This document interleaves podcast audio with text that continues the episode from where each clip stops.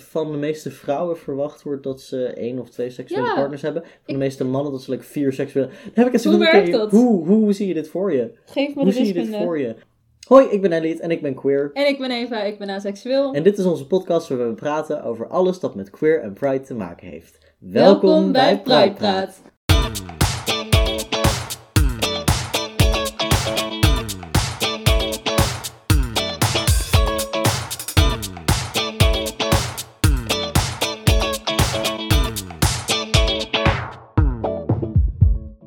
Hoi en welkom bij deze nieuwe aflevering van Pride Praat. Ja, aflevering 20. Oh my god. Mijlpaal. ja, Deze aflevering gaan we het hebben over seks en mentale gezondheid. ja.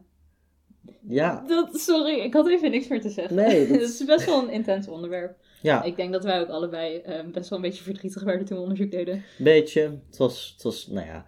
Dus disclaimer aan het begin van deze aflevering even voor de luisteraars. We gaan het niet hebben over ehm, de onderwerpen zoals seksueel trauma. We gaan het meer hebben over de pathologisatie van seks. Dus hoe seks wordt opgenomen in bijvoorbeeld de DSM-5. Een Ja. beetje die invalshoek van Zullen we dan- mentale gezondheid en seks. Ik neem aan, heb jij het nog wel eens over de DSM? Hoe- In, in je stukje dat je gaat vertellen?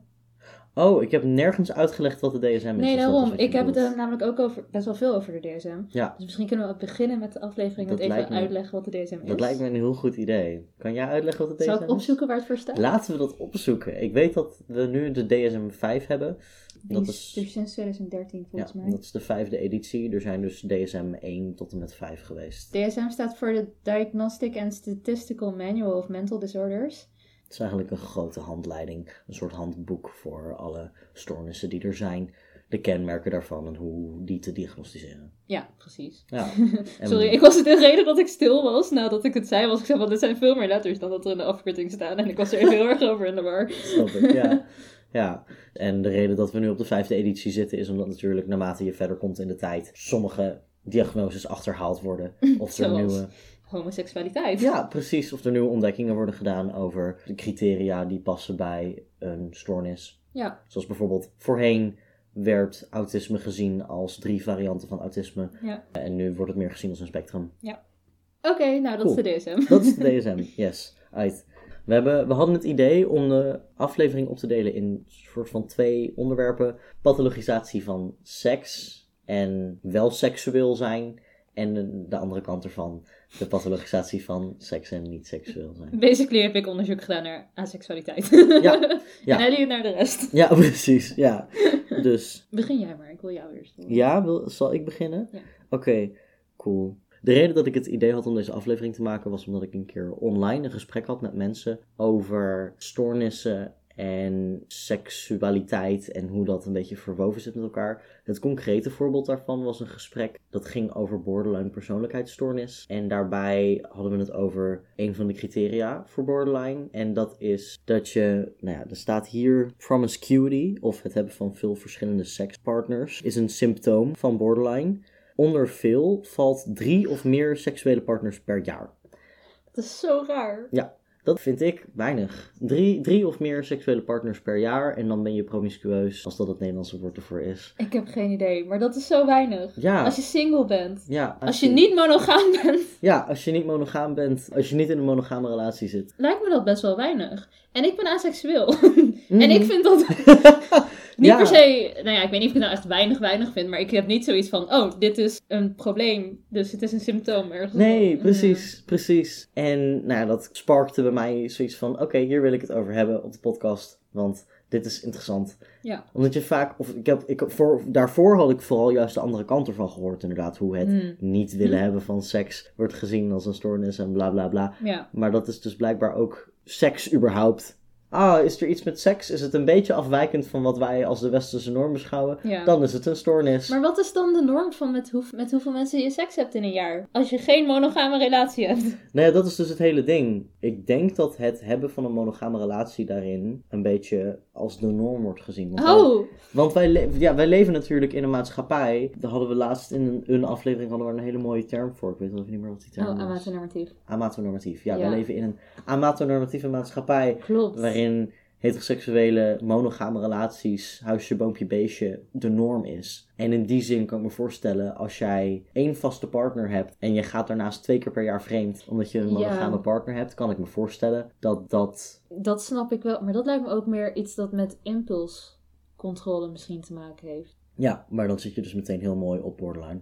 Ja, dat snap ik, maar Ja. dan, ja, Maar schrijf ja. het dan anders op. I don't know. Ja, het is inderdaad, het, laat ik het zo zeggen. De pathologie houdt niet genoeg rekening met variërende levensstijlen. Ja, daarin, Ja. denk ik. Eh, het gaat te erg uit van een bepaalde norm. In mijn onderzoek dat ik heb gedaan hiervoor kwam ik ook wel. Er wordt vaker de nadruk gelegd op dat wat normaal is, tussen aanhalingstekens binnen seksualiteit, afhankelijk is van culturele, ja. sociale en maatschappelijke normen. Mhm, Maar dan alsnog, mhm. als je in een overgangsperiode zit zoals nu, met wat, normaal, wat als normaal wordt gezien, ja. dan creëert dat een beetje een, een raar tussenstadium of zo. mhm. Ik weet niet, ik vind het een beetje. Kijk, ik snap dat seksualiteit een belangrijk aspect kan zijn van bepaalde stoornissen, maar. Ja, ik vind het lastig. Ja, het- en daarnaast ook, hè, dit is weer. de- hallo, disclaimer: wij zijn twee 21-jarige studenten die allebei niks studeren gerelateerd. Of nou, dat is niet helemaal waar. Dat is een leugen. Dat is een leugen. Maar... Wij zijn niet gespecialiseerd hierin, in ieder geval. Nee, en heb ik dingen van mijn studie opgeslagen?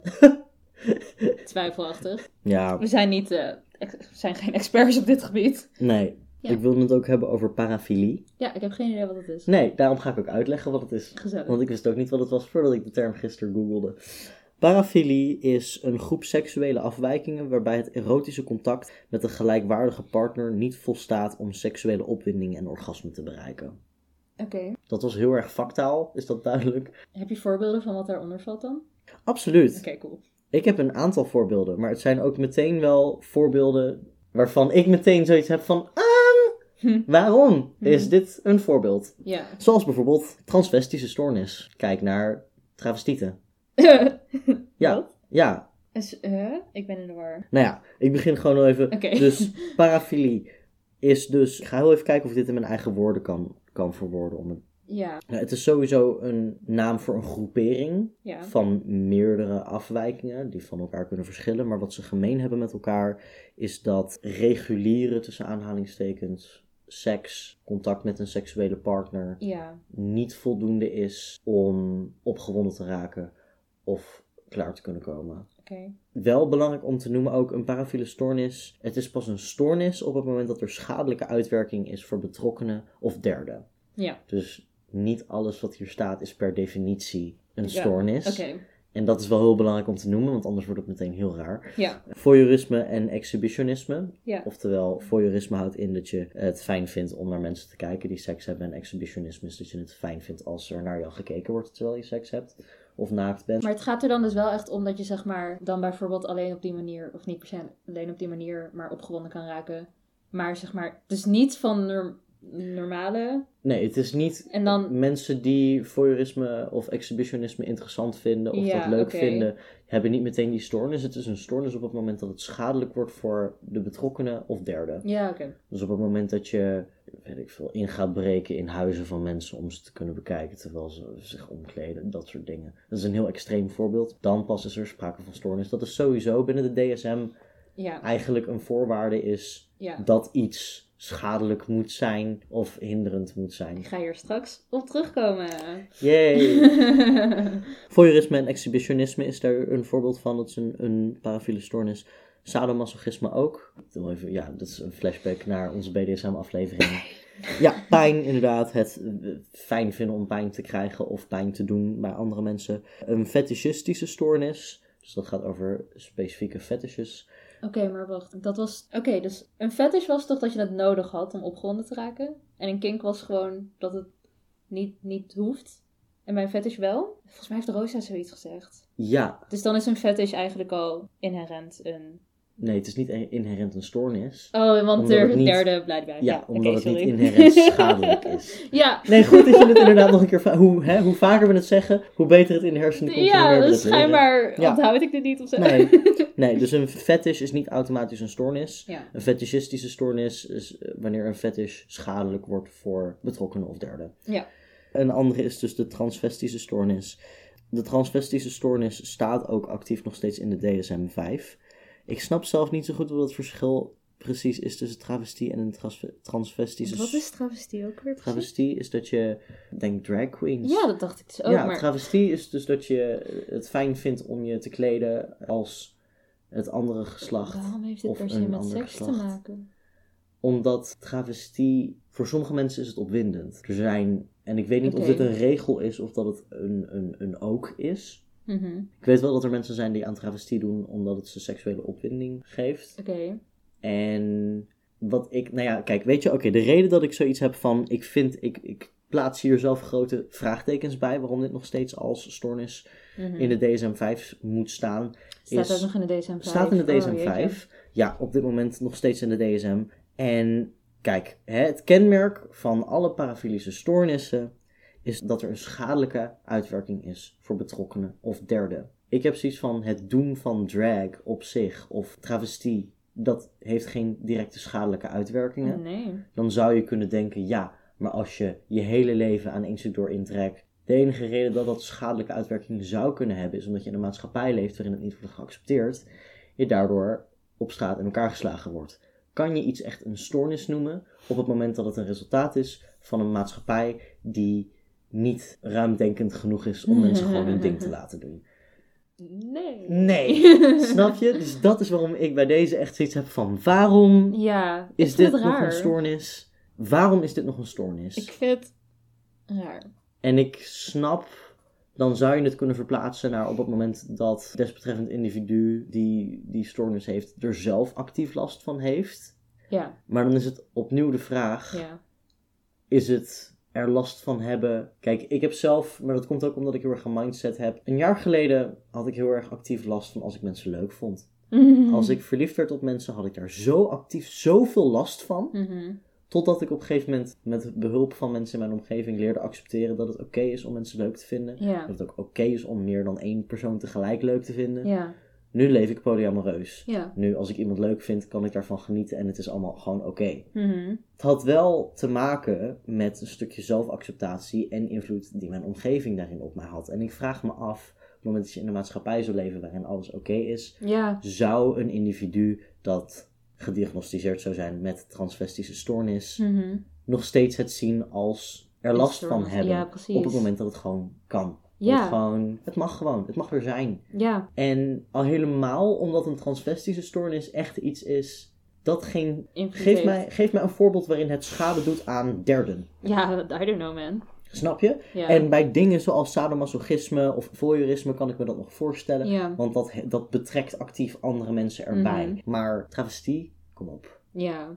Wat is er schadelijk aan Ik kleding heb aan geen hebben? idee. Dus Ja, dat eigenlijk. ja. Dan gaan we het hebben over iets anders. We stappen nu over op het onderwerp hyperseksualiteit. Specifiek hyperseksualiteit en gender. Fun. Want ik kwam dit gisteren tegen tijdens mijn research. Ja, En ik schrok ervan. ja. Ik ga hier ook dus dieper op in tijdens het queer history feitje. Oh, oké. Omdat het eh, interessant is. En omdat het heel mooi kenmerkt hoe we in een patriarchal samenleving leven. Ja. Waarin vrouwen oprecht gewoon onderdrukt worden. Oké. Hyperseksualiteit, basically wat het inhoudt is, een persoon is heel seksueel. ja, Heel, ja, meer dan de norm. hebben jullie bepaald de normen? I don't know, Ja, maar... de cult- cultureel-maatschappelijke factoren bepalen de norm. Ja, Stel je voor je groeit op in een streng gelovig huishouden waarin seks heel erg taboe is. Zelfs binnen het huwelijk eigenlijk niet echt over gepraat wordt. Dan ben je al heel snel hyperseksueel. Ja. ja. Vroeger waren er twee verschillende termen voor hyperseksualiteit. mhm, Nymphomanie voor vrouwen mhm, en satiriasis voor mannen. mhm. Nymphomanie, we gaan dat woord wel even opbreken. Nymph staat daarin voor vrouw. Oh, oké. En Oh, Mm. money. manie Ja. staat voor waanzin slash razernij. Ja, Nymphomanie, hyperseksualiteit bij vrouwen. Oftewel vrouwelijke razernij. ja, Het was ook een negatief woord. Nympho- Nymphomanie werd echt actief gezien als iets slechts. Vrouw is hyperseksueel. Oh, dat is niet goed. Moeten we iets aan doen. Dan kom je bij satiriasis, oftewel hyperseksualiteit bij mannen. En dan staat er letterlijk: satiriasis wordt beschreven als iets dat vaak optreedt tijdens de adolescentie. oftewel, adolescenten jongens, die, ja, die zijn gewoon hyperseksueel. ja, En ik kan hier echt heel boos om worden. ja, Want hyperseksualiteit bij vrouwen, maakt niet uit op welke leeftijd, wordt gezien als iets slechts. En hyperseksualiteit bij mannen hoort er gewoon bij. Ja, Dat is gewoon, dat is zo zijn mannen. Ja, die testosteron, hè. ja, En ik heb zoiets van hyperseksualiteit is absoluut niet synoniem aan het je, je niet in kunnen houden tijdens het verrichten Nee. van seksuele handelingen. mhm, Het houdt simpelweg in dat je seksueel meer verlangens hebt of actiever bent of sneller opgewonden bent ja. dan de quote-unquote norm. Ja, Dat is niet iets slechts. nee, dat is gewoon iets Het is gewoon. neutraals. Het, ja, het is gewoon. Sommige mensen hebben het, sommige mensen hebben het niet. Ja. Net als dat er ook mensen zijn die minder snel opgewonden zijn, whatever. Ja. Het is gewoon. Ja, maar dat is ook echt vervelend. Ja, mannen, van mannen wordt verwacht dat ze veel seks hebben. en Van vrouwen wordt verwacht dat ze weinig seks Ik hebben. vind het heel goed dat je dit zegt, omdat het mij doet denken aan iets wat ik heel belangrijk vind om even te noemen. Ja, En dat is namelijk, dit is letterlijk de verwachting. ja, Mannen zijn seksueel, vrouwen zijn niet seksueel. ja. Daarom is het idee, vrouwen moet je sneller overhalen Ja. om seks te hebben. En daar maar zijn zoveel problemen mee. ook de andere kant, mannen willen altijd seks. Ja. Dat is niet zo. Nee, Mannen willen niet altijd seks, maar omdat er een cultureel maatschappelijk beeld is dat mannen altijd seks willen, op het moment dat jij dan een mannelijke seksuele partner hebt en jij wil een keer seks met die mannelijke seksuele partner, en hij heeft geen zin. Mannen hebben toch altijd zin? Wat is er Ja. mis met mij? Ja, nee, maar dit is ook waarom het voor mannen ook nog lastiger is om aseksueel te zijn, zeg maar. Ja. Omdat van mannen echt actief wordt verwacht dat ze altijd seks willen en zo. Ja, precies. En En het dan is maar eens even aseksueel. precies. En het is dus zowel vanuit mannelijk standpunt als vanuit vrouwelijk standpunt hinderlijk. Oh, zeker. Op het moment dat een man als een inherent puur seksueel wezen wordt gezien. Ja. Want voor de vrouw kan het iets creëren als: oh, mijn mannelijke seksuele partner wil op dit moment geen seks met mij. Dan is er vast iets mis met mij. Dan Ja. ben ik vast niet aantrekkelijk. Al helemaal omdat we ook in een maatschappij leven die heel hard inhakt op het zelfbeeld van vrouwen. En dat je Ja. echt perfect moet zijn. En oh, alles, alles gaat erom hoe aantrekkelijk je bent. Nou, op het moment dat je partner dan een keer geen seks wil, is het veel makkelijker om inderdaad heel erg in die insecurity te gaan zitten. Want mannen willen toch altijd seks. En aan de andere kant, voor mannen, vreselijk. Want wat nou als je een keer geen seks wil? Ja. En wat daarnaast iets wat ik nu denk. hè, De Mhm. norm wordt bepaald door de culturele en maatschappelijke factoren. Wij leven in een maatschappij waarin mannen als inherent heel seksuele wezens worden gezien. Mhm. Dus een man is eigenlijk bijna nooit hyperseksueel. Denk, Mhm. ik, denk ik dan. Terwijl vrouwen, denk ik. Ik denk dat ze... Dat is heel snel. Ik denk dat ook. Drie tot zeven partners. Ja. In een jaar. Nu ben je hyperseksueel. Ja, dus, ja, snap je? En dat is ook schadelijk, omdat als je het inderdaad weer terugkoppelt aan die drie of meer seksuele partners per jaar Ja. binnen diagnostiek en pathologie, dat bijvoorbeeld vrouwen snel gediagnosticeerd worden met een stoornis zoals borderline. Ik snap dat seksualiteit voor bepaalde stoornissen een, een speler kan zijn in diagnostiek, maar ik denk dat het zo gevaarlijk is omdat Ja. wat, wat als normaal wordt gezien binnen seksualiteit Ja. zo afhankelijk is van culturele en maatschappelijke normen. En die Mhm. cultureel maatschappelijke normen zijn niet eerlijk. Ja. Ik denk dat als je het over seksualiteit hebt, maar dan verschilt het wel bij stoornissen die je je hele leven hebt of stoornissen die je, Die je ontwikkelt. ja, die je ontwikkelt. Ik denk dat het verschil in seksualiteit dan een belangrijkere, of misschien een, een meer zegt. Als je, voor de dingen die je ontwikkelt dan, niet je hele leven lang. Dat en vind ik dan het lastig. verschil bedoel je ervoor en daarna. Het ja, verschil. als je zeg maar, stel je seksdrive gaat opeens enorm omlaag of ineens enorm hoog. Ja, Ja, de- ik denk nu meteen aan bijvoorbeeld depressie. precies. Depressie heeft gewoon vaak best wel veel invloed op seksdrive. ja, En daarom zeg ik ook dat ik snap dat het op sommige gebieden meegenomen Ja. wordt. Maar het gevaar blijft gewoon heel erg ja. dat hoe er naar seks wordt gekeken. Er valt niet één rechte lijn in te trekken. Nee. En het is gewoon heel oneerlijk verdeeld hoe er naar wordt gekeken. En daarom is het zo gevaarlijk om het mee te nemen in, in pathologie. Wat ik wel even mee wil geven aan de luisteraars is wat je seksuele voorkeur en seksuele, hoe actief je ook bent op seksueel gebied, wat, hoe dat er allemaal voor jou ook uitziet. Het is oké. Ja, alles Maar- is top. Het mag er zijn. Je bent niet raar. Je bent gewoon mens. Ja. Dat was mijn stukje over hyperseksualiteit. Nou, Nu om het mooi te contrasteren, even over aseksualiteit. nou welkom in mijn tripje naar eh, aseksualiteit in de DSM. We gaan hier heel vrolijk van worden. Ik voel het. Oké, dus er staat in de DSM, of eigenlijk, ik begin hier met de DSM 4. Ja. Er stond een stoornis die heel erg lijkt op aseksualiteit, namelijk Hyposexual Desire Disorder, ofwel HSDD. Mhm. En kenmerken daarvan zijn dat je een lage seksuele behoefte hebt. Oh, dat is heel erg letterlijk vertaald. Weinig seksuele behoefte, I guess. Mhm. En, of verlangen. Hm. Een kenmerk hiervan is ook dat je problemen hebt in het dagelijks leven of bij interpersoonlijke relaties. Dus een beetje wat jij zei, je moet er wel onder lijden en Ja. of het moet derde en Dat ik- betrokkenen beïnvloeden. En ik zei dat ik daarop terug ging komen. Stel je voor, je bent asexueel en je hebt een partner. Ja. En die partner wil heel vaak seks met jou. Ja, En jij zit zo van nee, dan Ja. is dat een probleem voor de partner. En dan kan je dus nog steeds gediagnosticeerd worden met HSDD. Omdat je partner het een probleem vindt dat jij geen seks wil. Ja. Ja. bullshit. ja. Ja, Ik bullshit. vind dat zo'n onzin. Maar goed, dat is dus een beetje de situatie van wat er in elk van de DSM-4 stond. Ja. En eh, nou ja, het was best wel lastig te onderscheiden van gewoon aseksualiteit. Dus toen gingen ze op een gegeven moment, volgens mij in 2007 of zo, begonnen ze daarmee met het schrijven van de DSM-5. Mhm. En toen hebben vijf mensen van AVEN, de Asexuality, Visibility and Education Network, een report geschreven. Met echt, het was 78 pagina's lang. Wow. Met literatuuronderzoek, gewoon van allemaal wetenschapsartikelen over asexualiteit. Met interviews met volgens mij psycholoog en zo. En personal statements van asexuele mensen. En nou ja, daar hebben ze echt een hele kleine reactie op gehad. En verder hebben ze niks gehoord tot de DSM uiteindelijk uitkwam. Het is, er zijn dingen veranderd in de DSM-5. Die kwam in Oké. 2013 uit. Dus kunnen we even... Dit stond... Basically stond asexualiteit tot 2013 in de DSM. Nu is HSDD... Staat er niet meer in. Mhm. Het is opgesplitst in twee stoornissen. Mhm. Male Hypoactive di- Sexual Desire Disorder Mhm. en Female Sexual Interest Arousal Disorder. Dat vind ik heel interessant dat ze het opgesplitst hebben in een mannelijke en een vrouwelijke versie. Maar goed, ik weet niet heel goed wat daarachter zit. Ik gok seksisme. maar ik heb er dus verder geen onderzoek naar gedaan naar waarom ze dat precies hebben gedaan. Maar Ik- d- wat ik denk daarbij is dat als je kijkt naar seksuele hormonen en inderdaad Ja, waar we het net oké. over hadden, dat Ja. mannen over het algemeen als inherent seksueler worden gezien dan vrouwen, dat ze daarom denken laten we hier een onderscheid in maken. Anyways, dat is dus gebeurd. En nu Oké. staat er dus bij de, de mannelijke versie, MHSDD. Het is nog steeds, staat erbij, eigenlijk is het gewoon hetzelfde met, je hebt een weinig sexual desire Ja. en er moet iets van distress zijn, dus iemand moet eronder lijden. En er staat nu ook bij dat je niet gediagnosticeerd kan worden als je low sexual desire uitgelegd kan worden door een asexuele identiteit. Dus het is basically, identificeer je als asexueel, oh dan heb je deze stoornis niet. Toppie. Ja, precies.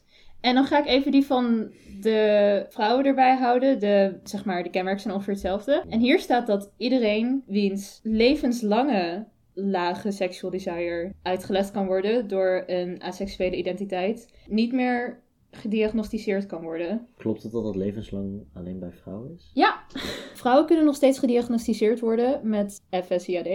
Mhm. Als ze, ook als ze identificeren als asexueel, zolang ze hun seksdrive, zeg maar, of hun seksuele verlangens, niet levenslang laag waren. Ik snap hier al helemaal niet waarom dit verschilt tussen mannen en vrouwen. Persoonlijk, want, Nee. I don't know, vrouwen zijn juist, wordt juist van verwacht dat ze minder seksuele verlangens hebben. Maar Ja, juist daarom dus. ja, denk ik. dat juist is wel waar, daarom zodat je dus. sneller die... Ja, Ja, wow.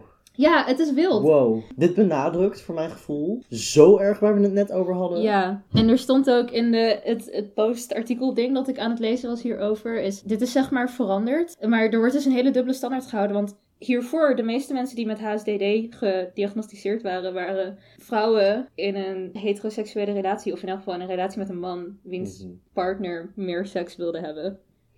En ik denk dat het nu dus daardoor nog steeds kan, dat je als vrouw daardoor HSDD krijgt. Of Ja. eh, gediagnosticeerd kan worden met HSDD. Ja. Ik heb er nog meer kanttekeningen bij. Eén ding wat ik hierover wilde zeggen, Ja, dat is met betrekking tot als het verklaard kan worden door asexualiteit. ja. Mm-hmm. Mhm. Dit is iets dat vaker gebeurt binnen de pathologie.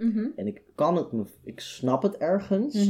En aan de andere kant heb ik het gevoel dat het vaak te grof wordt gebruikt. Ja, Kijk, ik snap dat dit is hoe je op een bepaalde manier, om het makkelijk te houden, dingen wil verwoorden. Maar op het moment dat je letterlijk de DSM echt super letterlijk aanhoudt, dan is het veel te kort door de bocht op die manier. Dan Mhm. wals je echt over dingen heen. ja. Ja, En het gaat ook over die paar woorden van als je zelf identificeert met asexualiteit. Hoe gaat het met alle mensen die niet weten dat asexualiteit een ding is? ja, Die niet het woord asexueel kennen? ja, ja, precies. Of hoe gaat het met mensen die inderdaad eerst dit horen, dan vervolgens erachter komen dat asexualiteit een ding is en dan gaan twijfelen, heb ik een stoornis of ben ik Ja. asexueel? Oh, also, wat als je demiseksueel of grey Wow, seksueel bent. ja. Mhm. Ja, Oké, nou, verder nog dingen die ik vond, die eh, kritiek hierop zijn, is... eh, er is dus schijnbaar, de DSM is echt intens lang. Er is een soort van kleinere bureauversie met gewoon volgens mij van alles heel snel, heel kort door de bocht, de criteria of zo erin. In elk geval, dat is een kleinere versie die in de praktijk wordt gebruikt. Drie keer raden wat er niet in staat. Aseksualiteit! dus, dus je kan nog steeds zo makkelijk gediagnosticeerd worden als je aseksueel bent met deze ja, ja, en dan nog iets over de, de distress criterium. ja. Is ook zo'n ding van, ik bedoel, leid ik onder aseksualiteit? Nou, ik leef in een fucking seksuele wereld. Natuurlijk.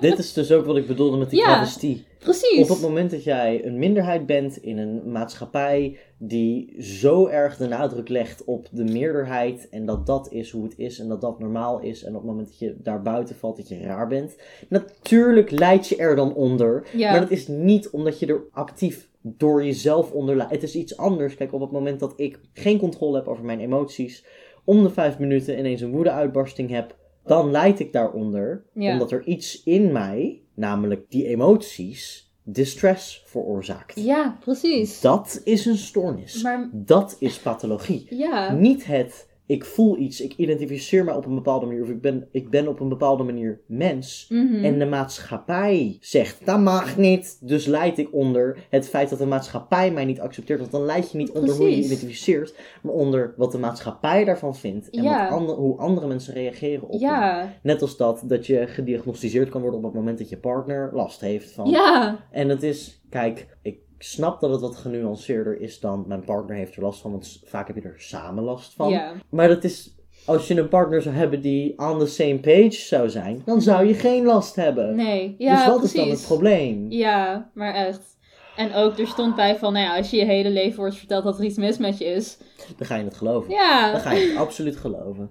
Ja, Oh, ook als je dingen gaat doen die je niet wil doen, omdat je niet snapt dat aseksualiteit normaal is. Nou, daar, ga je ook, daar krijg je ook distress van. Anyway, dit is allemaal kritiek op dus die ene stoornis, ondertussen twee, ja. in de DSM. Maar eigenlijk Ja. is het het grotere probleem, is gewoon dat het weinig seks willen hebben wordt gezien als iets verkeerds. ja. En daar, dat is niet alleen een probleem voor aseksuele mensen, maar voor een boel andere mensen ook. Het is zo, ik vind het zo apart, want veel seks willen hebben kan dus ook gezien worden als probleem. Ja. Net als weinig seks hebben. Ja. Het is eigenlijk, is het een soort van, oh, je moet precies de juiste hoeveelheid seks willen hebben, anders ben je gek. Ja. ja, het slaat echt nergens op.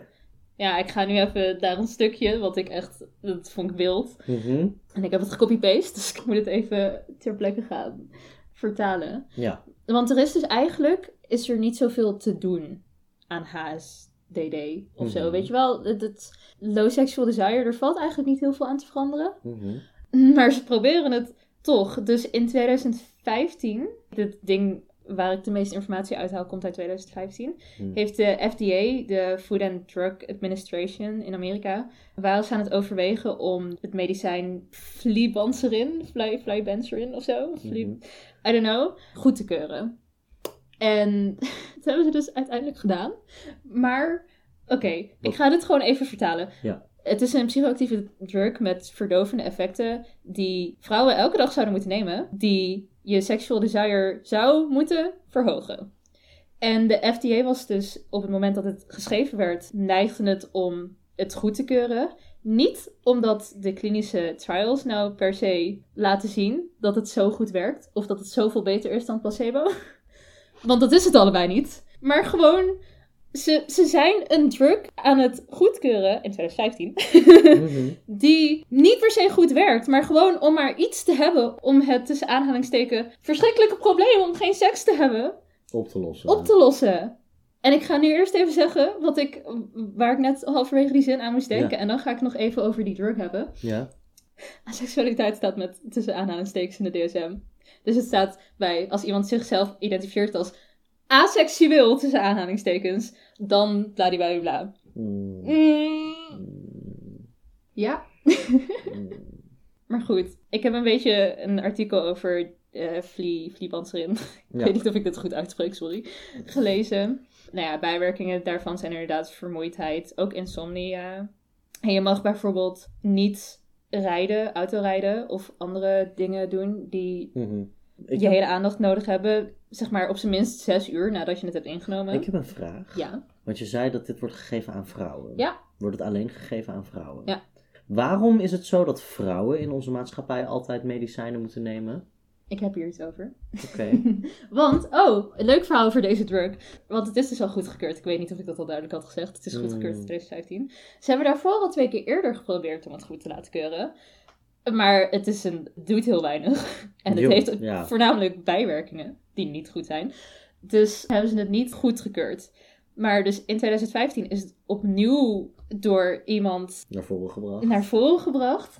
En zonder nieuwe data erbij van waarom het nu opeens wel goed zou zijn. Maar er waren allemaal groepen vrouwen die er achteraan kwamen om te zeggen dat het wel goedgekeurd moest worden. Omdat er al meerdere goedgekeurde drugs zijn of medicijnen zijn voor eh, mannelijke sexual dysfunction. Ja. Seksuele dysfunctie. Erectiepillen. Ja, precies.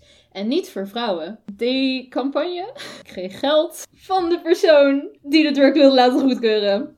Dus ja, Wauw. ja. Ja, en er stond dat, dat vrouwen ongeveer 0,5 meer bevredigende seksuele... Wauw. In een maand? 0,5. En En Op dat een het- schaal van? Nee, ik denk dat het oprecht een halve seksuele bevredigende ervaring meer is in Ah. een maand. Die 0,3 punten hoger scoorde op een 5 punten. Of nou ja, die mensen scoorden trouwens. Dit is een sexual desire skill. Ja. Ik- En de FDA heeft dus al eerder. Oh nee, dat is iemand anders trouwens. Deze persoon die dit onderzoek heeft gedaan, heeft geconcludeerd dat de goede kanten niet de slechte kanten. Nou, Nou ja, de FDA heeft dus ook twee keer gezegd van nee, het verschilt ook te weinig van placebo, het doet te weinig. ja. Maar toen de derde keer is het dus toch goedgekeurd. Dus dat was ehm, het gat waar ik ingevallen was vanmiddag. Ja. Vrolijk. Ja, ja, heel erg fun. Ja, ik ben er oprecht een beetje sprakeloos van. Ja, het is echt heel erg. Ja. En ik vind het ook zo eng dat zeg maar. Dat is vast niet hoe het werkt. Ik heb, er stond wel leuk hoe het werkt, maar zo goed ben ik nou ook weer niet in scheikunde en celbio en zo dat ik het snap. Maar ik vind het zo eng dat het dan een sedative drug Ja. is, zeg maar. Ik heb zoiets van, hoe hoort het te werken? Hoort het te werken dat vrouwen gewoon moeier zijn, dus minder goede beslissingen kunnen maken en daarom seks gaan hebben? Dit zal vast niet zo zijn, hoop ik, ten ik eerste. snap wel wat, Maar waarom je dat is het doet. eerste wat ik denk als ik het lees. Dus we hebben ook nog wel eh, veel Eén we ding, moeten nog wel een eindje. één ding wat ik me nu heel erg afvraag Mhm. is, als je kijkt naar stoornis, betekent het is hinderlijk. Ja. Ik s- kan me oprecht situaties voorstellen waarin vrouwen of mannen naar een dokter gaan en zoiets hebben van help, ik heb er last van dat ik mijn interesse in seks niet meer zo aanwezig is, bla bla. Komt dat vanuit hunzelf Mhm. of vanuit hun omgeving? Ik weet het niet. En ik denk dat dat s- beide voorkomt. Ja. Maar ik vraag me echt af, wat heeft de overhand? En ik denk dat dit weer een mooi voorbeeld is van waarom bewustwording en representatie heel belangrijk is. Want op het moment dat je met z'n allen een beeld creëert van het is normaal om niet seksueel te zijn en dat dat gewoon aangenomen wordt, Ja. net als dat het oké is om wel seksueel te zijn. Mm. Mhm. Ik denk dat een hoop mensen dan een stuk makkelijker leven. Ja. Heb jij nog dingen die je wil zeggen? Nee. Dus, Ja, same. Zullen we dan door naar de segments? Ja, laten we door naar de... Segments! cool. Ik heb een transitie-update. Wauw, vertel. Cool. Op het moment dat deze aflevering uitkomt ben ik bijna een jaar aan de hormonen. Ja, dus, eh, Hoppa, ik heb zojuist toevallig vandaag mijn one-year check-up gehad Ja. bij het VU. Ja. Dat wordt altijd niet precies gepland op het moment dat het is. Net als dat mijn zes maanden check-up op 4,5 maand zat. ja, het, zal, het valt nooit precies op, maar ja, dat Ja. kunnen ze ook niet doen nee, natuurlijk. precies. Maar ja, dus ik heb net mijn check-up gehad met mijn hormoonarts. Ja. Ik blijf nog steeds op dezelfde dosis, want ik ben tevreden Oké. met mijn dosis. Oké. Mensen switchen vaak na het eerste jaar over naar prik. Oh Of ja. dat is iets dat vaker voorkomt. Ik voel die behoefte niet, omdat het oprecht... Ik vind het al prima zo, Ja. dus ik blijf lekker dit doen. Top. Ik ga het heel even hebben over iets persoonlijks. En dat doe ik omdat ik hoop dat ik hiermee andere trans mensen die aan de testosteron zitten en hetzelfde ervaren, dat ik die daarmee kan helpen. Wat ik namelijk al een tijdje heb, is dat ik bloed tijdens de seks. En dat is iets dat ik in het begin heel naar vond. Dat ik echt zoiets had van, ah, ik word hier heel ongemakkelijk van en ik vind het heel kut. Gelukkig reageert mijn geliefde echt super chill, waardoor ik mezelf zoiets heb van, ah, chill, uit. Het is gewoon prima. Dit is blijkbaar iets dat al vaker voorkomt bij trans mensen die aan de testosteron zitten. Want testosteron heeft een bepaald effect op het vaginaslijmvlies. Namelijk, het, ja, het verzwakt het vaginaslijmvlies een beetje. Het is iets dat vaker voorkomt bij eh, mensen die hun baarmoeder en eierstokken hebben laten verwijderen. Hm. Omdat je dan geen natuurlijke oestrogeenproductie meer hebt. En dan is het vergelijkbaar met wat er gebeurt tijdens de overgang. Ik heb nog steeds mijn baarmoeder en eierstokken. Dus het is niet helemaal duidelijk wat er nou precies aan de hand is bij mij. Dus we gaan onderzoek doen. De verwachting is niet dat het schadelijk is of dat het ernstig is. Dus meer heb ik er last van. Dan zouden we kunnen kijken wat er aan gedaan kan worden. Maar er moeten wel eerst een paar testjes gedaan worden om inderdaad te kijken. Komt het gewoon door de testosteron of is er iets anders? Mocht jij nou luisteren en een transpersoon zijn die aan het testosteron zit en je hebt hier ook last van. Schroom niet om het te bespreken met je gynaecoloog slash je hormoonarts. Ik heb het voordeel dat bij mij dat dezelfde persoon is. dus, maar weet dat het ook niet gek is. En je bent niet alleen. dat was mijn transitie-update. Tot Dan gaan we door naar... labels. Labels. Nou, ik heb labels deze week. Ik ga het deze week hebben over genderfluid. Ah, wat leuk. Dan vraag je aan mij, wat is genderfluid? Wat is genderfluid, dat is een Elliot? genderidentiteit, Wow! Eva. Wow, wat een verrassing. Ja, genderfluid houdt in dat gender, iemands genderidentiteit varieert met de tijd. Er is geen vaste tijd voor hoe lang iemand die genderfluid is zich op een bepaalde manier voelt. En ook geen vaste genderidentiteit die een genderfluid persoon ervaart. Het is heel individueel hoe dat, ja, hoe dat eruit komt te zien. Als je iemand kent die genderfluid is, kan je het beste gewoon aan die persoon vragen hoe die het ervaart. En wat hij fijn vindt qua pronouns en dat soort dingen. Ja. Ja. Dan heb je de vlag. De vlaag. Van boven naar beneden is dat roze, wit, paars, zwart, blauw. Roze staat voor vrouwelijkheid, wit staat voor alle genders, paars staat voor mannelijkheid en vrouwelijkheid, Ah. zwart staat voor afwezigheid of gebrek aan gender Oh, cool. en blauw staat voor mannelijkheid. Ja, lekker inclusief. Dat was labels. Cool. Dan gaan we door naar queer history. Zijn we weer met een... Elliot praat heel eventjes voor 10 minuten. ja. En dan. cool. Nou, zoals ik eerder al zei, het Ja. queer history feitje van vandaag sluit een beetje aan op hyperseksualiteit. Specifiek hyperseksualiteit bij vrouwen. Ik ga het eh, hebben vandaag over vrouwelijke hysterie. Dit is een medische diagnose die achterhaald is. Ja. Hysterie werd vroeger in het Westen gezien als een veel voorkomende en chronische aandoening bij vrouwen. Wat zijn de symptomen? Normaal functionerende vrouwelijke seksualiteit. ja.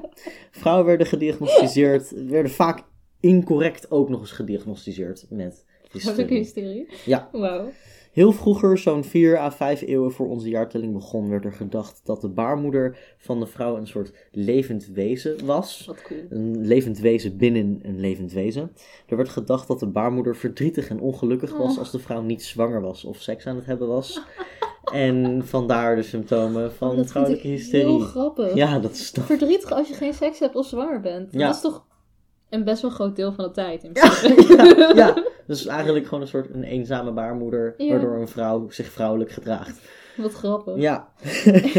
Vanaf de 18e eeuw werd de oorzaak van hysterie geassocieerd met mechanismen in de hersenen in plaats van de baarmoeder. Overigens is dit een heel beknopte beschrijving. De link die in de aflevering beschrijving staat gaat dieper in op hoe of wat. Maar ja, dus vanaf de 18e eeuw werd de oorzaak geassocieerd met mechanismen in de hersenen in plaats van de baarmoeder. De symptomen werden, die werden gelinkt aan hysterie waren op een moment zoveel dat bijna elke aandoening gelabeld kon worden als hysterie. Nee. Dat is echt bijna alles, bijna elke vorm van gedrag dat een vrouw kon vertonen. Ah, dat is hysterie. Zo ook bijvoorbeeld gapen. Ja. Vanaf het begin van de 20e eeuw kwam er steeds meer kennis, waardoor er steeds minder vaak met hysterie werd gediagnosticeerd. Gelukkig. Nadat hysterie werd geschrapt als diagnose, werd de term hysterie teruggeclaimd door te zaakjes sekspositieve feministen. Het idee daarachter was dat seksuele onderdrukking bestempelen als hysterie een vorm van onderdrukking is. Ze geloofden dat hysterie een soort pre-feministische rebellie was tegen de onderdrukkende systemen en rollen waar vrouwen onder lijden. Feministische sociaal-historici van alle genders beargumenteren dat hysterie veroorzaakt werd door onderdrukkende sociale rollen van vrouwen in plaats van door hun lichaam of psyche. Ja. Dat was het. Ben jij nog uit de kast gekomen? Ja! Wat? Oh mijn god! Ja, dat was dit weekend. En Oh. Ik had niet per se de behoefte om er alle minuut over te praten. En toen dacht ik, ik ga Elliot gewoon verrassen. Ja! En bij wie was ik dit weekend, Elliot? Je was bij je zus. Dat was ik Dit is- zeker. Oké, ik heb hier nog niks over gehoord. Dit is oprecht 100% mijn oprechte reactie op dit moment. Dit is de eerste keer. Heel mooi. Dit is de eerste keer dat we op de podcast mijn reactie op deze manier krijgen. Oh, Wat mooi dit. Oh. Nu heb ik dus- de, de, de, de neiging om het de volgende keer ook uit te halen. Anyway. Oeh. Nee, ja, Oké, kijk. Ik hoe ga, ging ik het? ga even context geven. Ja, geef context. Afgelopen zaterdag was de laatste dag van Ace Week. ja, En toen hadden we vanuit de NOA een spelletjesmiddag georganiseerd. ja. Ik vind het heel eng. Ik zit hier veel te als een, als een kind dat chocola Ja, krijgt. god. Dat is een high verwachting maar wat omlaag. Ik ging van daaruit meteen door naar mijn zus. Ja. Dus ik dacht, ik krijg vast wel een keer de vraag. Wat, Wat heb je gedaan? vandaag? Want ze wist dat ik dingen te doen had. Ik ging ook de dag daarvoor met een vriend die ik ken van de ASAP, gingen we proberen ACE-ringen te kopen. en toen, en ik was nog met mijn zus een beetje aan het overleggen van wanneer is het handig dat ik kom en zo. En toen was ze zo van, oh je kan ook wel van vrijdag op zaterdag. En ik zat al zo op WhatsApp zo van, nee, ik heb die dag dingen, Dingen. te doen. en heel hard aan het hopen dat ze, niet, dat ze niet zou vragen wat dan, want ik had geen zin om uit de kast te komen via WhatsApp. Ja, snap ik. Maar dat heeft ze niet gedaan, gelukkig. Pas Gelukkig. toen ik bij haar was, vroeg ze het wel. En toen was ik zo van, ik had een spelletjesmiddag. En toen was ze zo van, oh, met wie? en toen was ik zo van, ja, eh... nou ja, toen heb ik gewoon uitgelegd, want ik had natuurlijk dit gesprek al tienduizend keer in mijn hoofd gehad in de treinreis er naartoe. Uiteraard. Ik vond, As you do. ja, dus toen legde ik gewoon uit van, nou ja, het was eh, een spelletjesmiddag georganiseerd door NOA. Dat is de Nederlandse organisatie Asexualiteit. En daar zit ik bij. ik had het mede georganiseerd. en toen, ik weet eigenlijk niet zo goed meer. Dit is wel het probleem van dat ik niet meteen iedereen erover verteld heb. Ik kan nergens terugvinden wat, hoe het precies ging. Ja. Maar ja, dat, ik zat gewoon zo van, dit- it's it me. En toen vroeg ik er nog wel even bij van, weet je wat het is? En toen zei ze ja. En toen dacht ik, nou, daar gaan we daar maar gewoon op vertrouwen, weet je wel. Ja. En toen, toen vroeg ze hoe ik het wist. En ik was van, ja, dit dit is eh, dit- dit- geen seksuele aantrekkingskracht. ja. Nooit gehad. En toen, toen vroeg ze nog wat dingen voor verduidelijking, volgens mij.